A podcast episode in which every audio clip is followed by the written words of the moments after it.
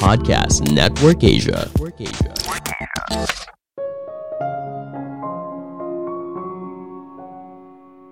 Bekerja itu bukan soal ke mana kamu harus pergi, tapi apa yang kamu kerjakan. Setiap orang pada dasarnya punya preferensinya sendiri dalam bekerja. Ketika hal itu terpenuhi, maka produktivitasnya akan meningkat. Halo semuanya, nama saya Michael. Selamat datang di podcast saya, Sikutu Buku. Kali ini saya akan bahas adanya wacana kalau pegawai negeri sipil atau dikenal dengan nama PNS akan menerapkan skema work from anywhere. Artinya, mereka bebas kerjanya di mana aja.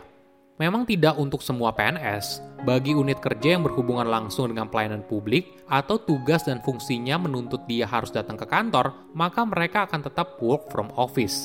Tentu saja ini merupakan perubahan yang besar. Apalagi dengan adanya rencana perpindahan ibu kota negara, nah tentunya tidak semua PNS harus pindah dong kalau begitu, kan bisa kerja dari mana aja. Gimana menurut kamu? Efektif nggak nih cara kerja seperti itu? Sebelum kita mulai, buat kalian yang mau support podcast ini agar terus berkarya, caranya gampang banget. Kalian cukup klik follow. Dukungan kalian membantu banget supaya kita bisa rutin posting dan bersama-sama belajar di podcast ini.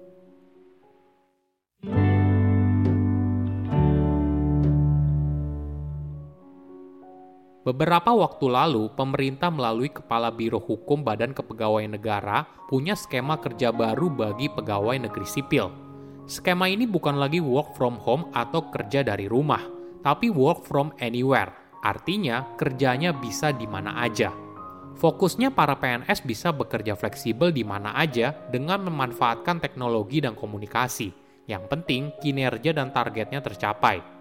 Ide ini tercetus ketika Indonesia juga ikut dalam pusaran pandemi COVID-19.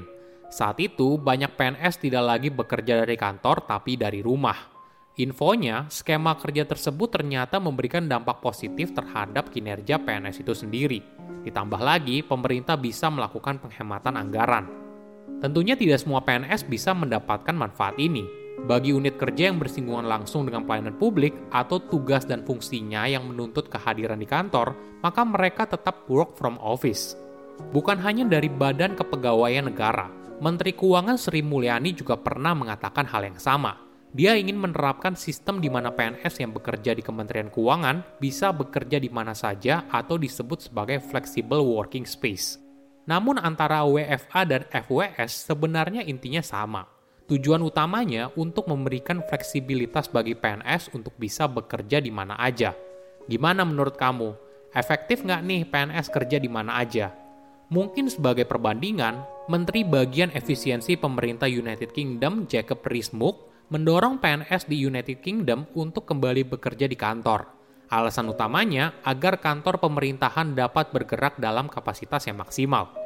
Jacob beranggapan karena Inggris sudah mencabut semua pembatasan hukum dan mulai belajar untuk hidup bersama COVID, maka PNS harus kembali ke kantor untuk mendapat manfaat dari pertemuan tatap muka, bekerja kolaboratif, dan manfaat yang lebih besar bagi ekonomi.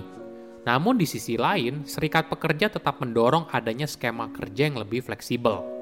Saat pandemi COVID-19 melanda, dunia mencoba beradaptasi jika dulu bekerja dari rumah atau sekarang istilahnya work from anywhere itu masih dianggap tabu, kini diagung-agungkan. Bahkan beberapa perusahaan teknologi besar seperti Twitter, Spotify, Facebook, dan sebagainya telah mengumumkan kalau karyawannya boleh bekerja secara remote.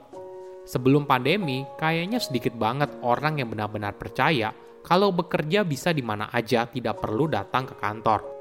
Namun ketika dipaksa harus berubah karena pandemi COVID-19, maka mau tak mau setiap orang harus beradaptasi dan mulai memanfaatkan teknologi dalam berkomunikasi. Mungkin coba kita lihat work from anywhere ini dari berbagai sisi. Di satu sisi, tentunya skema kerja ini memberikan banyak manfaat bagi perusahaan dan juga karyawannya. Perusahaan dapat mengurangi atau bahkan menghilangkan biaya sewa kantor, merekrut karyawan dari berbagai wilayah yang lain, dan riset juga menemukan produktivitas justru meningkat. Di sisi karyawan, manfaatnya juga luar biasa.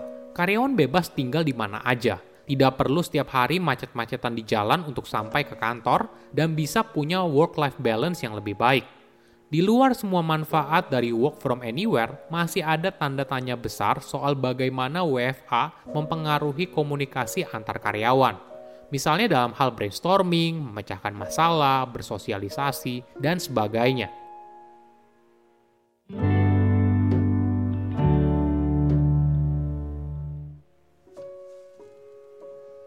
Jika dilihat dari sejarahnya, mungkin ide work from home atau bekerja tidak harus di kantor muncul pada tahun 1970-an di Amerika Serikat. Saat itu, organisasi negara pengekspor minyak bumi atau dikenal dengan nama OPEC melakukan embargo minyak kepada Amerika Serikat sebagai buntut dari bantuan Amerika Serikat terhadap Israel pada perang dengan negara tetangga Arab. Dampaknya, harga bensin yang membumbung tinggi, Kondisi ini lalu mendorong perusahaan untuk menerapkan kebijakan work from home. Karyawan boleh memilih untuk bekerja dari rumah, co-working space, atau ruang publik lain seperti kafe atau perpustakaan umum, asalkan ada waktu di mana mereka datang ke kantor secara berkala. Kebijakan ini ternyata efektif. Produktivitas meningkat, karyawan juga bisa mengatur waktunya sendiri, misalnya waktu untuk antar jemput anaknya dari sekolah, olahraga, dan sebagainya kebijakan WFH semakin diadopsi secara luas pada tahun 2000-an. Saat itu, teknologi sudah jauh berkembang, mulai dari komputer pribadi, internet, laptop, smartphone, dan sebagainya. Mungkin di era sekarang, pertanyaannya bukan lagi soal mana yang lebih baik, apakah work from office atau work from anywhere, namun lebih tepatnya pada pilihan.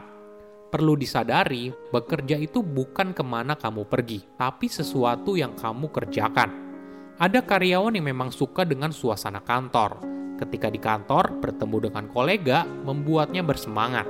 Namun di sisi lain, ada yang lebih suka bekerja sendirian, lebih fokus ketika bekerja di rumah atau di kafe misalnya.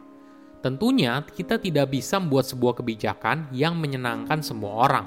Fokusnya di sini, ketika perusahaan memberikan kebebasan karyawan untuk memilih tempat bekerja, maka di situlah sweet spotnya. Karyawan lebih bahagia karena punya pilihan, maka mereka cenderung bisa bekerja lebih produktif. Mungkin satu hal yang sering kali jadi perhatian, bagaimana kita bisa menjaga hubungan sosial dan profesional ketika tidak bertemu satu sama lain. Riset membuktikan banyak pekerja yang melakukan remote working merasa seakan akses informasi mereka terputus dibandingkan saat mereka di kantor. Akses informasi ini bukan soal informasi dari perusahaan kepada karyawan, tapi juga soal hubungan sosial antar karyawan. Selain itu, ketika karyawan tidak saling bertemu secara fisik, mungkin saja para atasan sulit mendeteksi ketika ada anggota timnya mengalami burnout.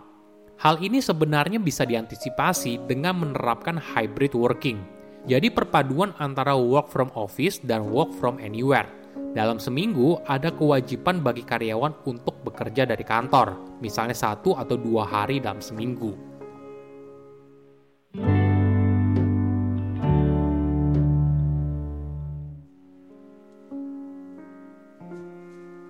Oke, apa kesimpulannya? Pertama, COVID-19 mengubah cara kita bekerja. Sebelum pandemi, kayaknya sedikit banget orang yang benar-benar percaya kalau bekerja bisa di mana aja, tidak perlu datang ke kantor. Namun ketika dipaksa harus berubah karena pandemi COVID-19, maka mau tidak mau, setiap orang harus beradaptasi dan mulai memanfaatkan teknologi dalam berkomunikasi. Jika dulu bekerja dari rumah atau sekarang istilahnya work from anywhere itu dianggap tabu, kini diagung-agungkan dan menjadi selling point saat merekrut karyawan. Kedua, work from anywhere bisa meningkatkan produktivitas. Mungkin di era sekarang, pertanyaannya bukan lagi soal mana yang lebih baik, apakah work from office atau work from anywhere. Namun lebih tepatnya pada pilihan – Ketika perusahaan memberikan kebebasan kepada karyawan untuk memilih di mana mereka bekerja, maka di situlah sweet spotnya. Pilihan membuat karyawan jadi lebih bahagia. Pada akhirnya, mereka cenderung bisa bekerja lebih produktif. Ketiga, waspada kurangnya interaksi sosial antar karyawan. Di luar semua manfaat dari kerja WFA, mungkin salah satu yang perlu jadi perhatian adalah soal interaksi sosial Bekerja WFA bisa membuat seorang karyawan menjadi terisolasi. Tidak ada lagi ngobrol saat makan siang atau sekedar istilahnya istirahat rokok sambil ngobrol santai dengan karyawan yang lain. Interaksi hanya muncul saat berdiskusi soal kerjaan. Inilah tantangan masa depan yang harus dipecahkan antara perusahaan dan juga karyawan untuk kehidupan kerja yang lebih baik. Saya undur diri, jangan lupa follow podcast Sikutu Buku. Bye-bye.